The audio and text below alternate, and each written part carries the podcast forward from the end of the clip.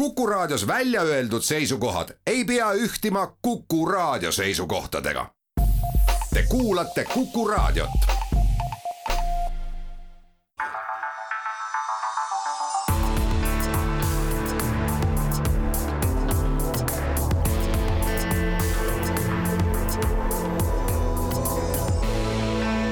olukorrast ajakirjanduses tere kuulama saadet Olukorrast ajakirjanduses. saade läheb eetrisse viinavabriku kõrvalt nagu ikka, aga vaat vanameestega natukene teistmoodi täna. üks vanamees, kes saadet juhib, on kohal, teine vanamees põgenes päikese kätte ja tema asemel on siin äh, kõigile tuttav ja tuntud mees, endine Kuku raadio peatoimetaja, kes põgenes siit Maalehte, Indrek Riikoja. tere, Indrek! Tere, Rein, see on muidugi küll meelitav, et sa, et sa mind vanameheks ei taha tituleerida, kuigi mulle hiljuti oli üks situatsioon, kus küll, kus mulle öeldi, et ma võiksin nüüd ära minna, sest et ma olen liiga vana. no nii, lähme siis traditsiooniliselt, vanamehed viinavabriku kõrvalt. Meil on siin ridamisi teemasid tänases saates, me oleme välja reklaaminud tänase saate kui nädalalehti kajastav saade, aga meil on paar teemat veel sa ei suutnud kuidagi ennast tagasi hoida? ei suutnud ja no ega me ei saa tegelikult üle ja ümber ikkagi sellest Eesti Päevalehe aktsioonist, kus ta siis koostöös rahvusvahelise ajakirjanike konsortsiumiga on äh, läinud paljastama Putini koka ehk kellegi Prigožini tuntud päti ja ja kriminaalkurjategija tegevust.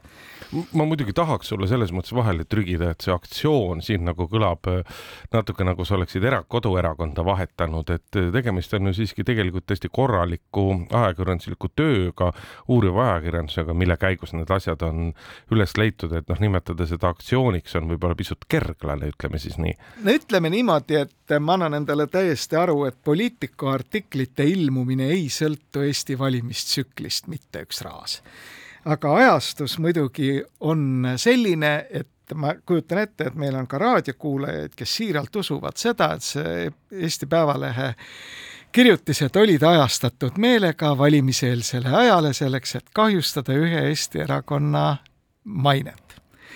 Ja kas ta nüüd kahjustas või mitte, see on nüüd esimene küsimus. Politico teatavasti väitis seda, et Prigožini juhitud poolkriminaalsed struktuurid ja trollivabrikud on olnud mingil moel tegevad ka Eestis. algselt väideti siis seda, et nad üritasid läheneda EKRE-le, et mõjutada moel või teisel kahe tuhande üheksateistkümnenda aasta Euroopa Parlamendi valimisi. mingeid tõendeid poliitikul selle kohta ei olnud, et EKRE oleks nendega kokku mänginud, välja arvatud ainult siis Balti Kaitsekolledži teaduri Viljar Veebeli üks selline kommentaar, kus Veebel ütles, et tema, olles uurinud äh, käitumismustreid, tahaks väita, et äh, selline pakett, nii nagu Prigožin oli selle välja mõelnud, äh, olevat EKRE-le väga meeldinud. no siin sul olemuslikult on õige, aga vaata, sa natukene oled võib-olla ka läinud äh, või, või natukene lasknud ennast mõjutada kõigist sellest kisast, mis siia ümber toimub, et kui me, et kes Poliitika artiklit lugenud on ja see on ju veebis täiesti kättesaadav, et kõik saavad seda teha, siis Poliitika oma artiklis väga selgelt räägib sellest, et et selline huvi oli Vene poolel olemas ja ta ei, ta, ta kuskil ei vihja ega väida, et see koostöö ka lõpuks aset leidis. et nii palju peab Eesti ajakirjanikele küll ette heitma, et et nüüd siis juba üle-eelmise nädalavahetuse kõige need esimesed lood, mis te tehti, seal, seal oli natuke tunda seda, seda nii-öelda tooni, et me justkui, justkui ütleme üht, aga jätame nii-öelda ridade vahel, jätame mulje pisut teisest asjast. et, et seda saab pisut, mitte palju, aga pisut ette heita, aga see, mis järgnes eelmisel eelmise nädala teisipäeval sellele, noh, seal, see oli nagu ikkagi väga selgelt, see oli väga selgelt faktipõhine asi, olid, näidati ette need dokumendid, mille põhjal saab selliseid asju väita ja väga selgelt ka öeldi, et puuduvad teadmised selle kohta, et sellest koostööst oleks asja saanud no täpsustuseks nüüd nendele raadiokuulajatele, kes võib-olla seda Eesti Päevalehe konkreetset numbrit ei ole lugenud, siis sündmuste ahel oli ju järgmine, eks ole, et kui EKRE eitas kõike, ütles, et pole olnud, pole kuulnud ja ei teagi, kes Prigožin on, eks ole, siis äh, meie ka soovitasime Väino Koorbergiga, et leidke nüüd see Viljar Veebel kohe üles kuskilt ja las ta siis kommenteerib omaenda väljaütlemisi. Veebel leiti üles, ta ütles, mida ta üt-, üt-, öelda tahtis, et ta oma sõnadest ei tagane, ta ei ole andnud hinnanguid, aga ta on uurinud käitumismustreid. selle koha peale pandi siis punkt ja selle peale siis eelmisel nädalal, kahekümne teisel veebruaril tõepoolest Eesti Päevaleht avaldas sellele loole järje, kus ta näitas väga selgelt ära tegelikult, et need seosed, mida nüüd nädal ette oli EKRE täielikult eitanud, et pole kuulnud ega näinud, olid olemas, aga ütles ka väga ausalt, et mingeid näiteid, konkreetseid dokumente toimiva koostöö kohta ei ole olemas nüüd see, mida sa ütled, et äh, et ka kuidas seda oleks saanud teisiti teha, minul ei ole ühtegi etteheidet TPL-i ajakirjanikele, kes kirjutasid need lood sellest Prigožini trollivabrikust. aga see, et tehti nii-öelda uks lahti kommenteerimisele, kus siis kõik EKRE oponendid tormasid sellest ukse pilust sisse ja kukkusid lahmima ja need lahmimised trükiti samas väljaandes ilusasti ära siis see jätab sellest asjast siiski kehvapoolse mulje või mis? no see on selline tüüpiline ajakirjanduse käitumine, et seda, neid kommentaare ei korjanud ju mitte ainult äh,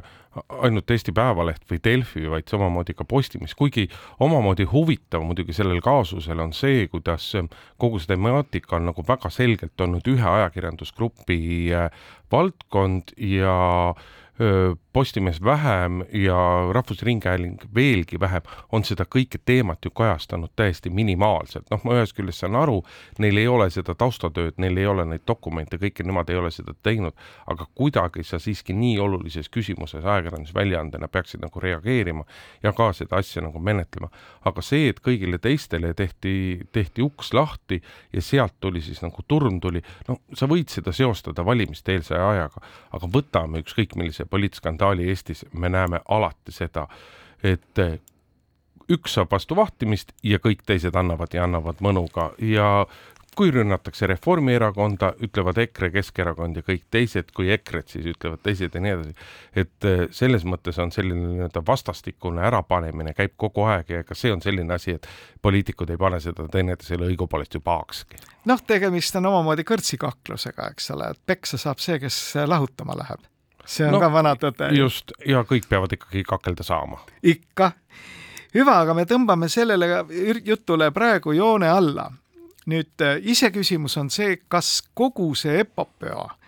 kõik see teadmine mõjutab mingil moel äh, valimistulemust Riigikogu valimistel, seda me näeme tegelikult viiendal märtsil. no me arvame, et me näeme seda viiendal märtsil, sest et ega me neid mõjutegureid tegelikult ju ei tea, ma ise küll julgen, ise küll julgen arvata, et see konkreetne kaasus EKRE tulemust väga ei mõjuta, et asi, mis väga selgelt EKRE valimistulemusel rolli mängib, on Martin Helme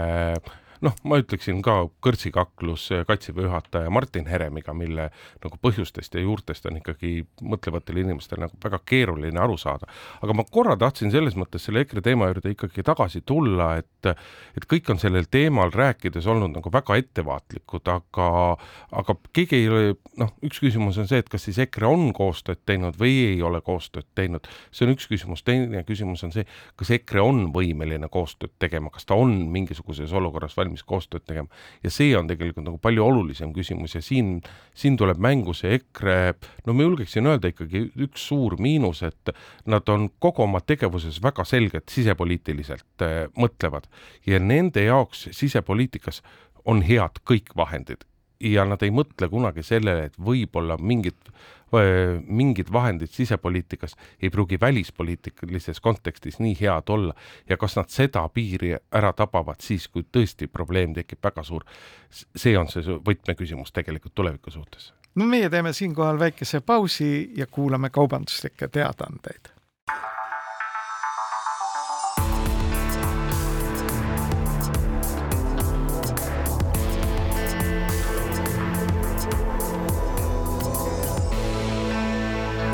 olukorrast ajakirjanduses. vanamehed viinavabriku kõrvalt jätkavad sedapuhku Väino Koorbergi asemel Indrek Riikoja ja räägime nüüd äh, teemast, mis varjutas isegi Eesti korvpallikoondise võidu Sloveenia üle. ehk siis treener Mehis Viru saagast, eelmises saates me Väinoga üritasime olla küll viisakad, aga välja kukkus nagu alati, ehk lõpuks ütlesime me ikkagi otse välja, et meie arvates Kergejõustikuliit tallas mõlema jalaga tsemendiämbris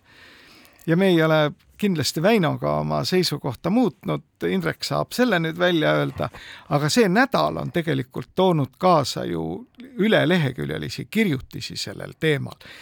ehk siis esimest korda minu jaoks on tekkinud selline huvitav vastasseis. Üks kirjastusgrupp ehk siis Postimees on pigem üritanud anda siis seletuseks pinda treener Mehis Virule, kõigepealt tegi Pullerits suure artikli Viru endaga siis järgnes sellele intervjuu Karmen Pruusiga, tema kõige, kõige kuulsama hoolealusega. Teiselt poolt siis Eesti Päevaleht jällegi iga jumala päev toob äh, uut materjali sellest, äh, kuidas treener on ikkagi käitunud imelikult, et mitte öelda siis ahistavalt omaenda hoolealuste suhtes. ja see, kes seda Kergejõustikuliidu poolt uuris, see on otse välja öelnud, et ei noh, kuulge, et tegemist on ikkagi täitsa uskumatu sigadusega, eks ole. sealt muidugi hakkavad välja kooruma ka sellised huvitavad äh, tähelepanekud. Keegi esitab küsimuse, et kas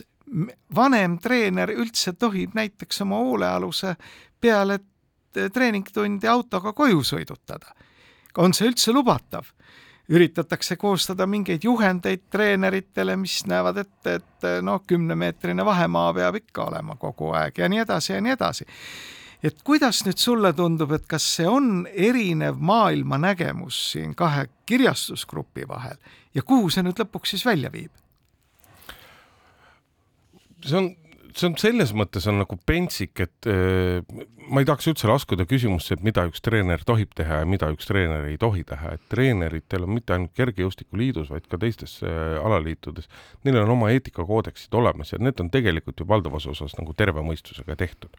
et äh,, et see on nagu reguleeritud ja siin hakata veel nii-öelda vinti juurde keerama, see on teine küsimus aga kui me räägime jah sellest, et, et kuidas suhtuvad eh, erinevad meediaettevõtted, et eh, mis meil oli viimane suurem eh, noh, ma ei tea, ütleme siis eetika või, või või seksuaalteemadega seotud skandaal, et see oli Marko Mihkelsoni kaasus napid kuud tagasi. ja kui me vaatame, mõtleme sellele, et kui veriselt Äh, kui veriselt reageeris Postimees sellele juhtumile, siis siin on küll nagu tundub, et vahepealsete kuudega on nagu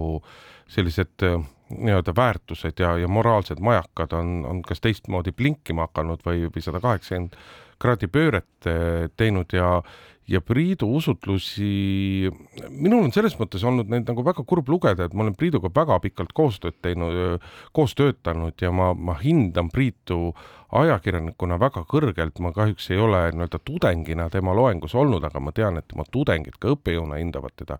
on läbi aastate alati kõrgelt hinnanud, aga aga kui ma neid usutlusi loen, siis pealtnäha justkui nagu kõik on õige, et küsitakse ja mõni küsimus on isegi nagu terav, aga samas nagu tekib äh, kogu aeg see tunne, et, et ajakirjanik ei saa nagu aru, et kuidas peaks edasi küsima või et kuidas, et kuidas temaga manipuleeritakse või mida temaga tehakse, aga ma arvan, et üks asi on see, et, et, et meediamajad tahavad teineteisele vägisi vastanduda. teine pool on kindlasti ka see, et, et konkureerivas meediamajas on nagu väga staažikad spordiajakirjanikud, kes on selles valdkonnas äh, aastakümneid tegutsenud ja kes, kes teavad äh, seda maailma väga hästi, kes teavad seal valitsevaid suhteid väga hästi, aga Postimehe sporditoimetus ko-, koosneb küll tublidest, aga siiski nagu noortest tegijatest ja neil puudub see ajalooline mälu ja ajalooline taust. siit muidugi joonistub välja omaette küsimus, mida, mida on, pentsik on lugeda staažikaid spordiajakirjanikke, kes kirjutavad, et, et kuidas nad teadsid küll, kuidas on, aga aga vot need noored naiskergejõustlikkused ei lubanud sellest kirjutada ja rääkida, et kuulge, et kui te olete nagu aastaid sellist asja teadnud, miks te siis ei ole midagi ette võtnud ja ajakirjanikena te ju peaksite teadma, et ega kirjutamine rikkumine ei ole ainus viis, kuidas äh, on see siis eetika, eetika rikkumist või, või, või seaduse rikkumist äh, noh, ütleme siis äh, sellele ametlikku käiku anda, et, et teil oli tuhat võimalust midagi ette võtta, et te kõik tegelikult teadsite, et ei teinud selle, selle ärahoidmiseks suurt midagi, et teatud mõttes te paratamatult olete nagu kaasosalised. aga, aga noh, jah, ma arvan, et see taandub ikkagi peamiselt vastandumise peale. Sa ütlesid ühe ettevaatamatu lause millele mina muide kirjutan täiesti alla, on see, et kõikides spordiorganisatsioonides, mis on tõsiseltvõetavad, on ju nende aastatega, mis on Eestil olnud võimalik oma asja ise ajada, välja kujunenud mingisugused eetilised tõekspidamised noh, aeg-ajalt keegi astub neist üle, siis põhjustab see mingisuguse võbeluse ajakirjanduses. meenutame alles hiljuti sellist üsna räiget vastasseisu siis Aivar Pohlaku ja Nõmme jalgpalliklubi vahel, eks ole kus Pohlak tegelikult ütles välja oma tõed, mismoodi jalgpallurid võiksid äh, eetiliselt käituda, aga Nõmme kaljumehed, noh, elavad teistsugust elu, eks ole aga no ma ei saa torkamata jätta muidugi, et siis, kui meil oli viimane jalgpalli maailmameistrivõistlus, siis tuli välja ka, et et ega Aivar Pohlaku eetilised tõekspidamised on ka siiski valikulised. ja, aga no, see, see, see on asjade niisugune tavaline käik, aga see, et on välja kujunenud mingisugused käitumisnormid, mis üldiselt on põhinenud tervel mõistusel, on minu arvates ka tõsi. nüüd, kas see Mehis-Viru juhtum mis on kahetsusväärselt tegelikult kujunenud selliseks noh, äärmuste esitlemiseks. kas see põhjustab nüüd siis selle, et kõik need eetilised käitumisnormid, mis osaliselt on kirja pandud, osaliselt kirja panemata, mis ei omagi nii suurt tähtsust, kas ta on kirja pandud, aga nad on välja kujunenud et neid kiputakse nüüd muutma, ehk siis hakkabki peale selline Ameerika Ühendriikides kümme aastat tagasi käivitunud selline hullumeelne protsess, et treener ei tohigi oma hoolealust üldse õhtult autoga koju viia. et ta peab tagama, et igal sammul peab olema tunnistaja juures, kes näeb, et ta midagi kätega ei tee. ja nüüd me lähme nagu segaseks selles ühiskonnas. mina seda nagu selles mõttes väga ei pelga, et selle noh, ütleme, et te, tervemõistuselikul, tervemõistuseliselt ei oleks mõtet hakata siin minti juurde keerama ja me ei tohi unustada ju seda, et Mehis Viru on süüdi mõistetud just nimelt eetikakoodeksi koodeksit puudutavates rikkumite, rikkumistes, mitte kriminaalkorras, eh, ma ei tea, haldusõigusmenetluse või mis iganes korras, vaid just nimelt ta on süüdi mõistetud eetikakoodeksi kontekstis, et selles mõttes kõik see, mida ei tohi teha, on täna juba seal eetikakoodeksis kirjas ja ja, ja, ja sellepärast, et keegi on seda eetikakoodeksit rikkunud, sellepärast ei pea hakkama eetikakoodeksile veel vinti juurde keerama aga ära ole veendunud. jah, sul vaata, on, sul on õigus, et, et ega Eestis siiski ju kõik suudavad üllatada ka negatiivselt. see, kui mingi joodik, eks ole, saja viiekümne kilomeetrise tunnikiirusega sirgel teelõigul eh, üle kaatuse autoga käib ja kui sellel on rasked tagajärjed, siis selle tulemuseks pannakse sinna seitsmekümne märk, eks ole et kõik, teised ka teaksid, et vot see sõitis ennast seal sodiks, kuigi ohtu reaalselt seal üheksakümne või kuni saja, sada kilomeetrit tunnis sõita ei ole. aga, aga millest me nagu või, või mida me peame ka meeles pidama, et kui me siin noh, kui me räägime sellest, kas me peame eetikakoodeksit nagu karmimaks keerama või mitte, siis ei tohi unustada, et lõviosa treenereid on täiesti ma ütleks isegi, et valdav osa treenereid on ju täiesti mõistlikud inimesed, kes teevad täiesti mõistlikku tööd, kes saavad aru, et aastatega on loomulikult on tõekspidamised muutunud, et minu lapsed käivad trennis, ma vaatan, kuidas treenerid, treenerid nendesse suhtuvad ja, ja mõtlen enda lapsepõlve, kui ma üritasin korvpallitrennis käia, kadunud äh, vana Torbek oli, oli treener ja ma, ma pidasin selles trennis vastu kaks-kolm korda ainult sellepärast, kuidas treener käitus oma õpilastega. aga mul ei tulnud kelle pähe, eks ole, et, et ma lähen kuhugile kaebama selle pärast, aga tänasel hetkel, kui mõni treener niimoodi niimoodi käituks, ma arvan, et keskmine keskmine lapsevanem lihtsalt ütleme, et ei piirduks ainult sõnadega asja klaarimisel, sellepärast et sellised asjad on tänases mõttes täiesti lubamatud, aga lõviosa treenereid käitub ju täiesti õigesti, täiesti korrektselt ja, ja, ja kui me hakkame nüüd veel eetikakoodeksit justkui tummisemaks tegema, siis me ju umbusaldame neid ja nende tehtud tööd, aga seda ei ole vaja. seda küll, aga no Kergejõustikuliit kui ta hakatuseks ütles, et ta valikuliselt ja osaliselt avalikustab selle lõppraporti no,. see on muidugi omaette küsimus, on kuidas ta pidi ju ette nägema, et sellest tuleb ajakirjanduslik möll ja ühel hetkel antakse ajakirjanduses sõna ka nendele, kes hea meelega keeraksidki seda vinti nüüd peale ja, ja keelaksid treeneritel tere hommikust ütlemise ja mida iganes. jah, aga noh, samas saad sa, Rein, tõsta käe püsti ja öelda, et sina oled oma elus kõike ainult õigesti teinud. ei, kindlasti mitte no,, aga no see, minu meelest oli see Kergejõustikuliidu kaasus nagu niivõrd õpikulik et ära, kui keegi veel tahab õppida, kuidas kommunikeerida oma probleeme avalikkuseks, siis on see, et ära kindlasti nii tee. no ma arvan, et nad ei uskunud, Kergejõustikuliit ei uskunud seda, et on nii palju, eh, nii palju inimesi ja, ja, ja paratamatult ka nii palju ajakirjanikke ja meediaväljaannet, kes nende sõnades ja väidetes nagu kahtlevad, kes ei usu neid no aga kas sa oled tähele pannud, et äh, ka ajakirjandusliku konkurentsi juures võidakse, et see on üldse põhjendatud, selline arvamus, et mind ei usuta? noh, vaata jah, sa võid seda küsimust niipidi küsida, aga kui me nagu selle, selle teema kajastamise ja ajakirjanduse juurde tagasi tuleme, siis ega meil sarnaseid lugusid siiski Eesti ajakirjanduses nagu väga palju ei ole, kus, kus erinevad kanalid asuvad nii vastandlikele positsioonidele no aga meenutame sedasama Marko Mihkelsoni juhtumit.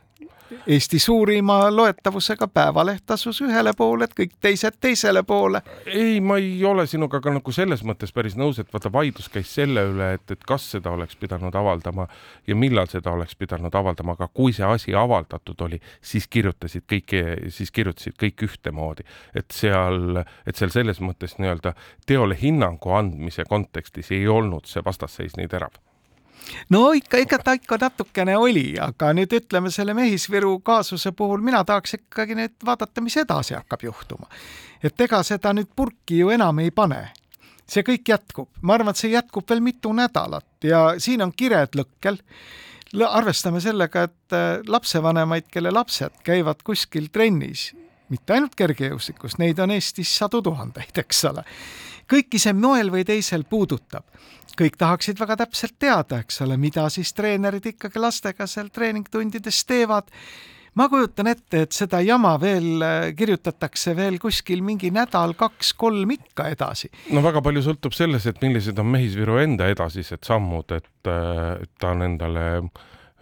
advokaadi on ta endale palganud, kas ta, kas ta läheb kuhugile vaidlema, sest et kui ta läheb vaidlema, noh, siis ju kõik ju muutub palju detailsemaks, siis tulevad välja tulevad välja ikkagi väga detailsed süüdistused, siis tulevad noh, päris kindlasti isegi kui üritatakse varjata, tulevad neile, neile süüdistustele taha ka nimed, kes seda teinud on ja, ja siis läheb kindlasti nii-öelda nagu musta pesu pesemiseks ja, ja kui mina kuulan inimesi, kes seda valdkonda hästi tunnevad ja hästi teavad, siis ma küll ei ole kindel, et Mehisviru võiks seda tahta tegelikult. no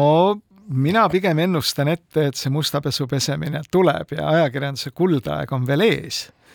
noh, ega ajakirjandus ei teeks ju mitte midagi, kui äh, lugejad seda lugeda, lugeda ei tahaks, et kui need lood ikkagi istuksid oma loetavusel kuskil seal tead mõnesaja puhul, siis kaks-kolm korda proovitakse ja edaspidi noh, ei pöörataks sellele mingit tähelepanu. aga kas see nüüd ei ole just nimelt see koht, kus tuleb väga tõsiselt kaaluda, mis on avalik huvi ja mis on avalik uudishimu? ei, absoluutselt, kindlasti, kindlasti, loomulikult kena, aga tõmbame meie sellele nüüd jut-, joonele, joonele jutu alla ja jääme huviga ootama, mis saab edasi. see, et tegemist on kahe erineva kirjastuse vahelise kukepoksiga, on ka minu arvamus, et nii see on ja, ja see veel jätkub mõnda aega. edasi sõltub muidugi tõesti palju Mehis-Virust, kas kohtuasi tuleb või kohtuasja ei tule. kui tuleb, no siis kuldaeg jätkub täie hooga aga meil on natukene teisi teemasid veel. Eesti Ekspress kahekümne teisel äh, veebruaril pani omamoodi pommi lõhkema siis õiguskaitsjate jaoks ja kajastas üpris põhjalikult äh, selle aasta äh, prokuröride aastaraamatut. aga teeme siinkohal väikese pausi ja siis räägime sellest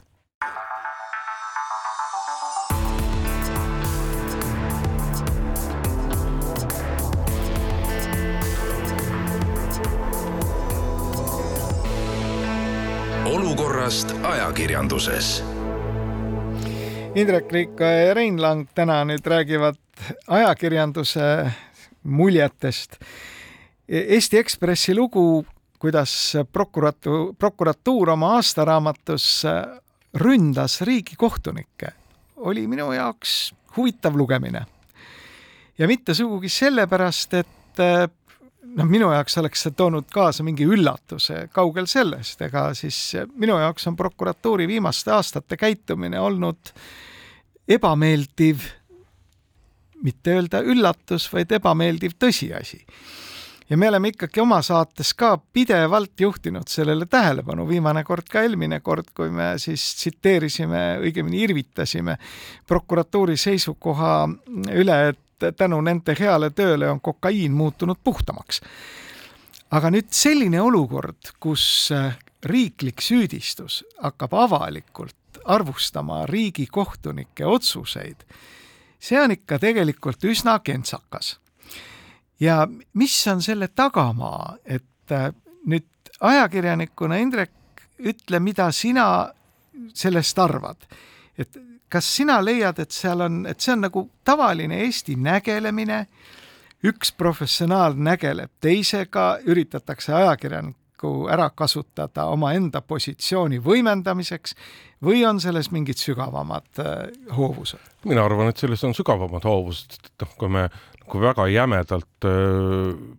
õigusemõistmist äh, nii-öelda üritame sektoriteks jagada, siis siin on kolm osapoolt, et on kohtud, on advokaadid ja on prokuratuur ja ilmselgelt nii-öelda üks osapool nendest tahab noh, ütleme siis niimoodi, et olla liidri rollis ja ma ei pea siin silmas ei kohtunikke ega advokaate selle koha peal, vaid ikkagi prokuratuuri. ja noh, kes vaatab tihedamalt neid tegevusi, mida tehakse, kuidas käitutakse, noh siis küsimusi ju, noh küsimusi ju ainult kerkib, eks ole, et Mailis Repsi sakutatakse ja lohistatakse kohtu mööda, kohtuid mööda kümne tuhande, kokku kümne tuhande euro pärast, kusjuures prokurör ei häbene öelda, et aga Mailis Reps võib ju oma, oma pooleteistkuuste kaksikutega tulla küll kohtuistungile, sest et meil seal all on see ema ja lapse ruum olemas, kus ta vahepeal saab rinda anda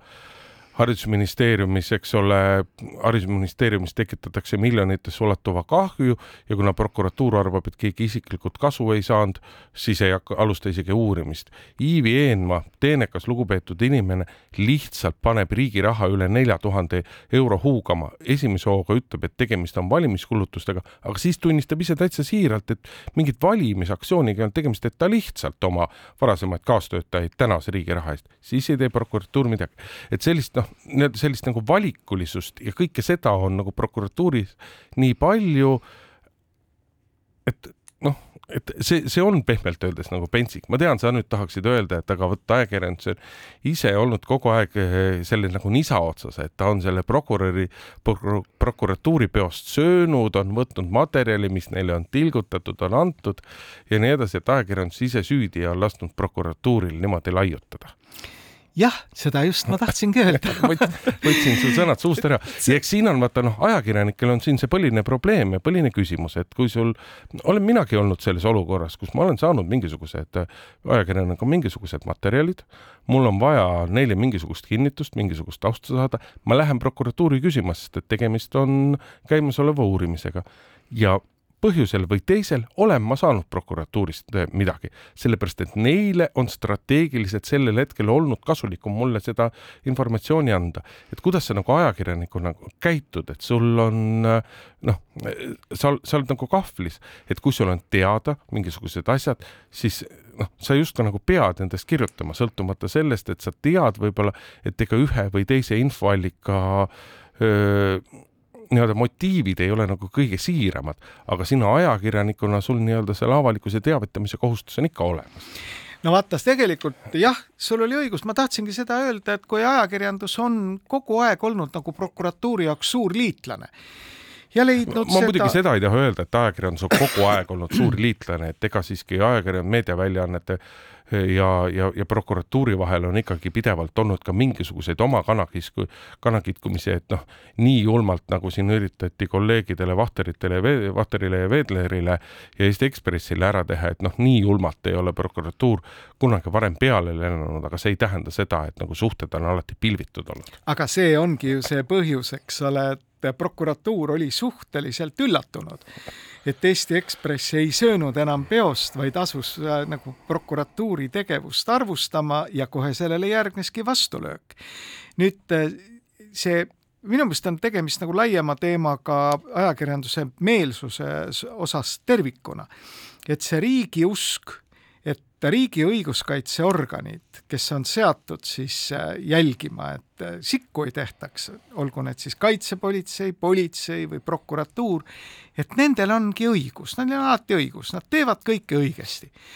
tegelikult on lääne ajakirjanduses ju alati nagu vastupidine selline e-, eeldus, et äh, tuleb kaitsta seda lihtsat inimest riigi omavoli vastu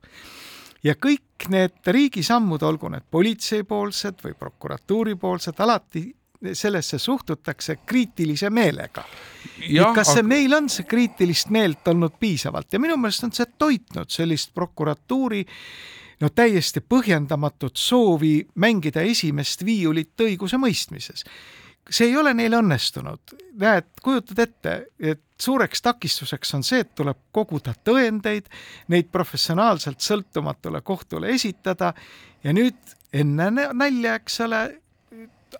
hakkame siis kohtunikke ründama.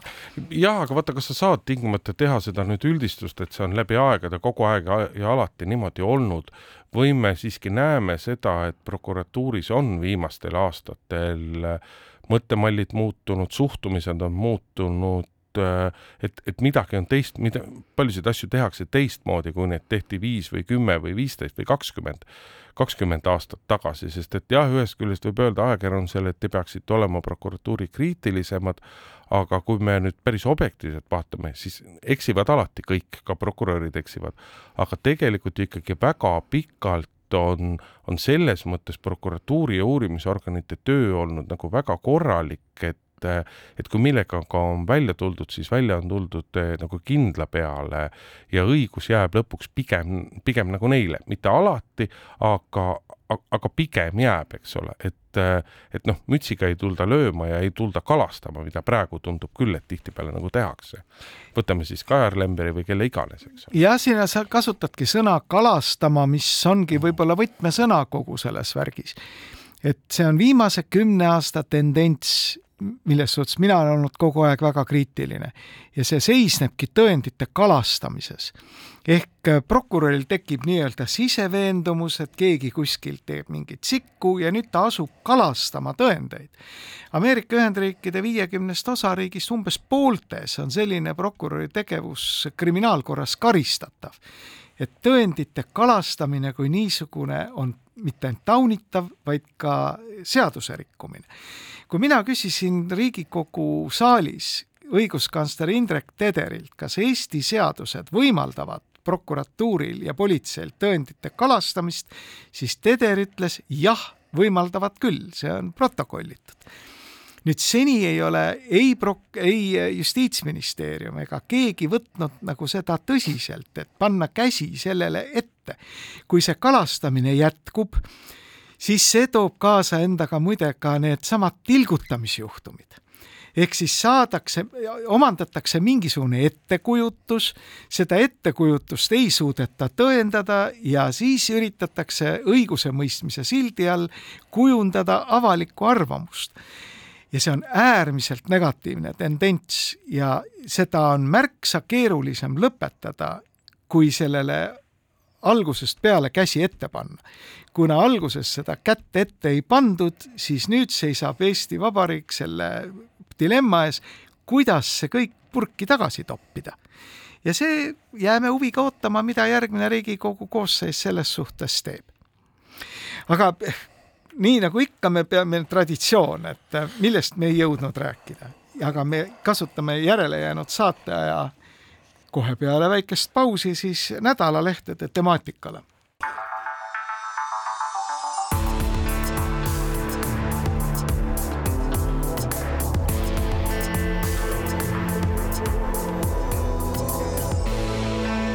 olukorrast ajakirjanduses.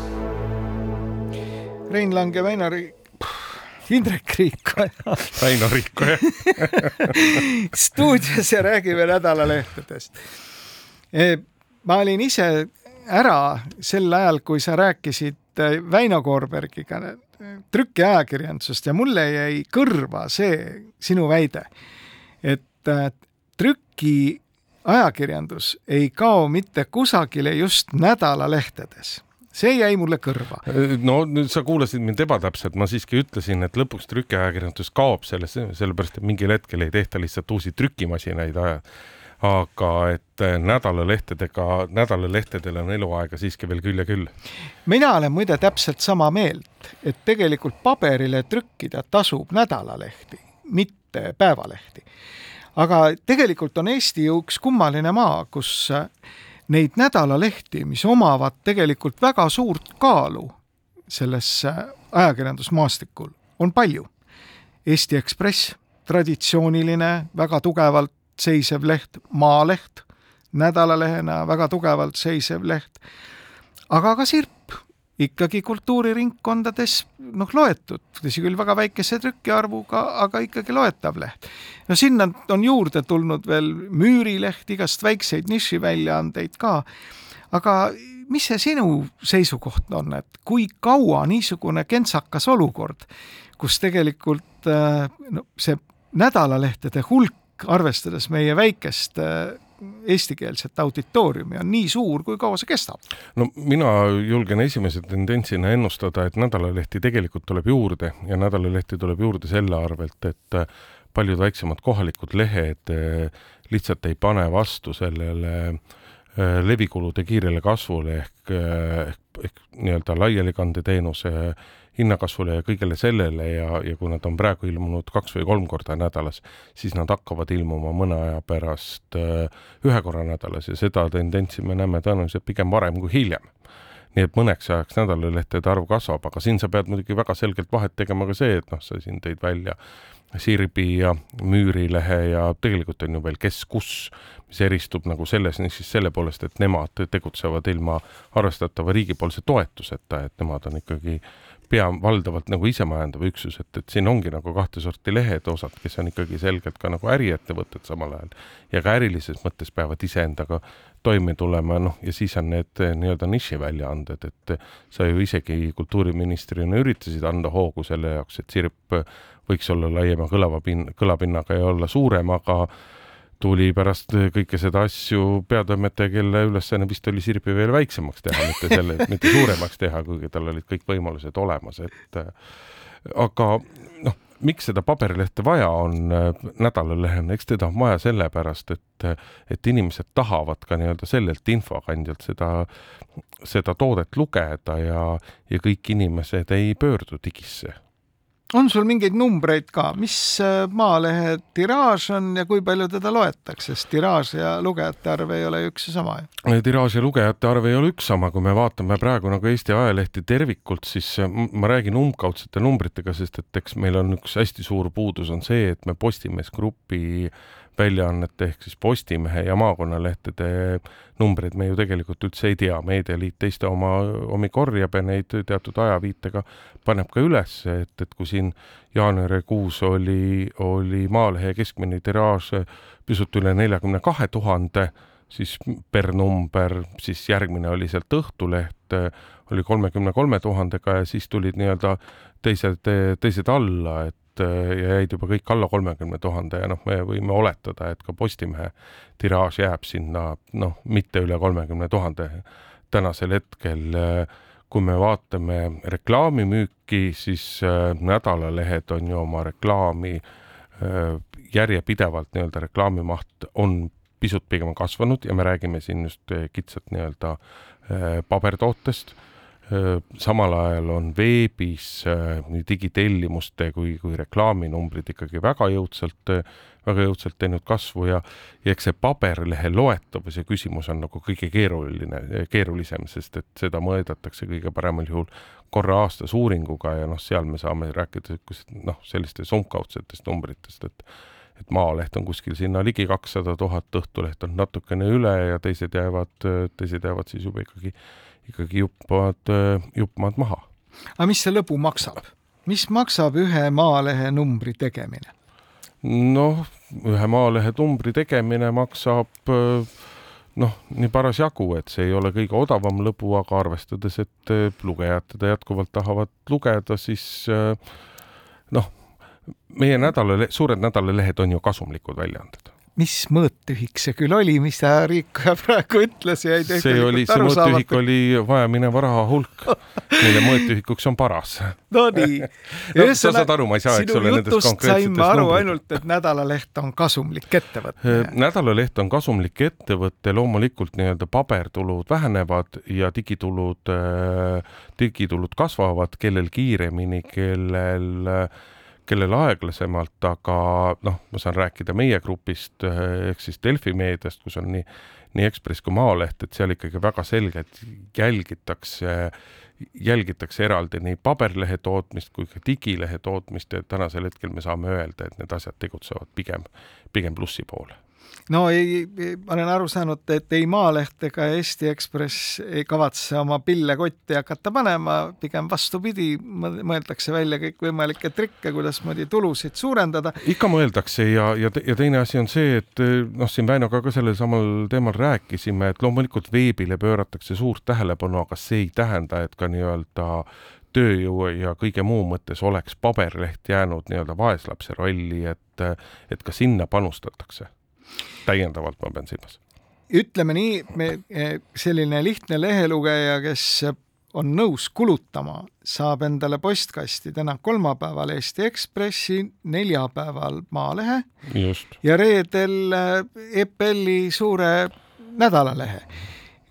sa pigem ennustaksid seda, et neid nädalalehti tuleb juurde, kes siis teisipäeval ja kolmapäeval veel tuleb, teisipäeval ja laupäeval näiteks? no üleriigilisi ma ei ennusta, et juurde tuleb. ma viitasin ka sellele, et kohalikud lehed peavad oma nii-öelda ilmumistsüklit muutma, aga, aga siis tulevad meil ju tegelikult laupäeval veel Postimees Nädal ja tuleb ka Õhtulehe tavapärasest paksem lehenumber Õhtuleht ainsana, seda kuidagi nii-öelda eraldi ei paketeeri äh, turunduslikus mõttes, vaid see ongi lihtsalt äh, Õhtulehe nädala laupäevane, laupäevane number, et äh, ma küll ei välistaks mingisugusel hetkel, et me, et me näeme seda, kus siis laupäeval on veel kaks nädalalehte ja, ja võib-olla tõesti enam paberil päevalehti ei ilmu. aga teisipäeval? no vot ei tea, ma arvan, et pigem vast jääb tühjaks või? see on huvitav mõttekäik ja ma arvan, et sul on tegelikult õigus et Muidugi. nii see asi hakkabki minema, et neid trükiväljaanded, need hakkavadki muutuma nädalalehtedeks ja lõpetatakse ära see nii-öelda postiljonide koormamine, et siis õhtul kätte saada eilse päeva uudised. ja see tundub ka minule väga ratsionaalne käik nüüd see, kui sa ütled, et need tänased maakonnalehed võiksid hakata muutuma eh, oma auditooriumi poolest nädalalehtedeks, see on huvitav mõttekäik ja kust see algus võiks no see on, olla? see on puhas, see on puhas majanduslik põhjus, et, et ega siis see, et meil üleriigilisi päevalehti enam esmaspäeval, esmaspäeviti ei ilmu, see on majanduslik kalkulatsioon, mitte midagi muud ja, ja, ja pigem nagu noh, pikas ajahorisondis on see on see protsess nagu jätkuv ja siis lihtsalt ei jää maakonnalehtedel midagi muud üle, et nad ei jaksa kinni, kinni maksta nii-öelda kõigi nende postiljonide töös hoidmist meie saade vääramatult äh, läheneb lõpule, võib-olla me jätkame seda nädalalehtede teemat, kuna meil jäi käsitlemata selline asi nagu selline poliitikale äh, keskenduv leht, nagu kunagi oli Eestis Luup. selle nädala tsitaat võiks olla Margus Mikomäelt, muide Maalehest täitsa juhuslikult. ta nimelt tsiteerib Gruusia vanasõna, lambad kartsid terve elu hunti, ometi sõi nad ära karjus. ja seoses sellega mul tekkis tohutu tahtmine eh, mängida ansamblit Ruja ja Tule metsa ja ma pühendaksin selle post, muidugi Maalehele ka iseenesest mõista, aga Postimehele ja eelkõige Ülle Harjule tema tähelepanuväärse kirjutise eest seitsekümmend, seitsmekümne nelja tuhande neljasaja eurone uuring peamisele küsimusele ei vasta. no tal oli ka veel pärast seda on mõni tähelepanuväärne kirjatükk olnud. jutt on sellest, et äh, Tartu Ülikooli statistikutelt telliti uuring, kas metsastatistika on tõene või mitte. ja kuna vastus küsimusele oli, et jah, enam-vähem on see tõene, veaprotsent mahub viie protsendi raamidesse, siis selgus, et põhiküsimusele see uuring ei vasta. tule metsa rujalt, kohtume nädala pärast. ükskord pead sealt ikka välja tulema.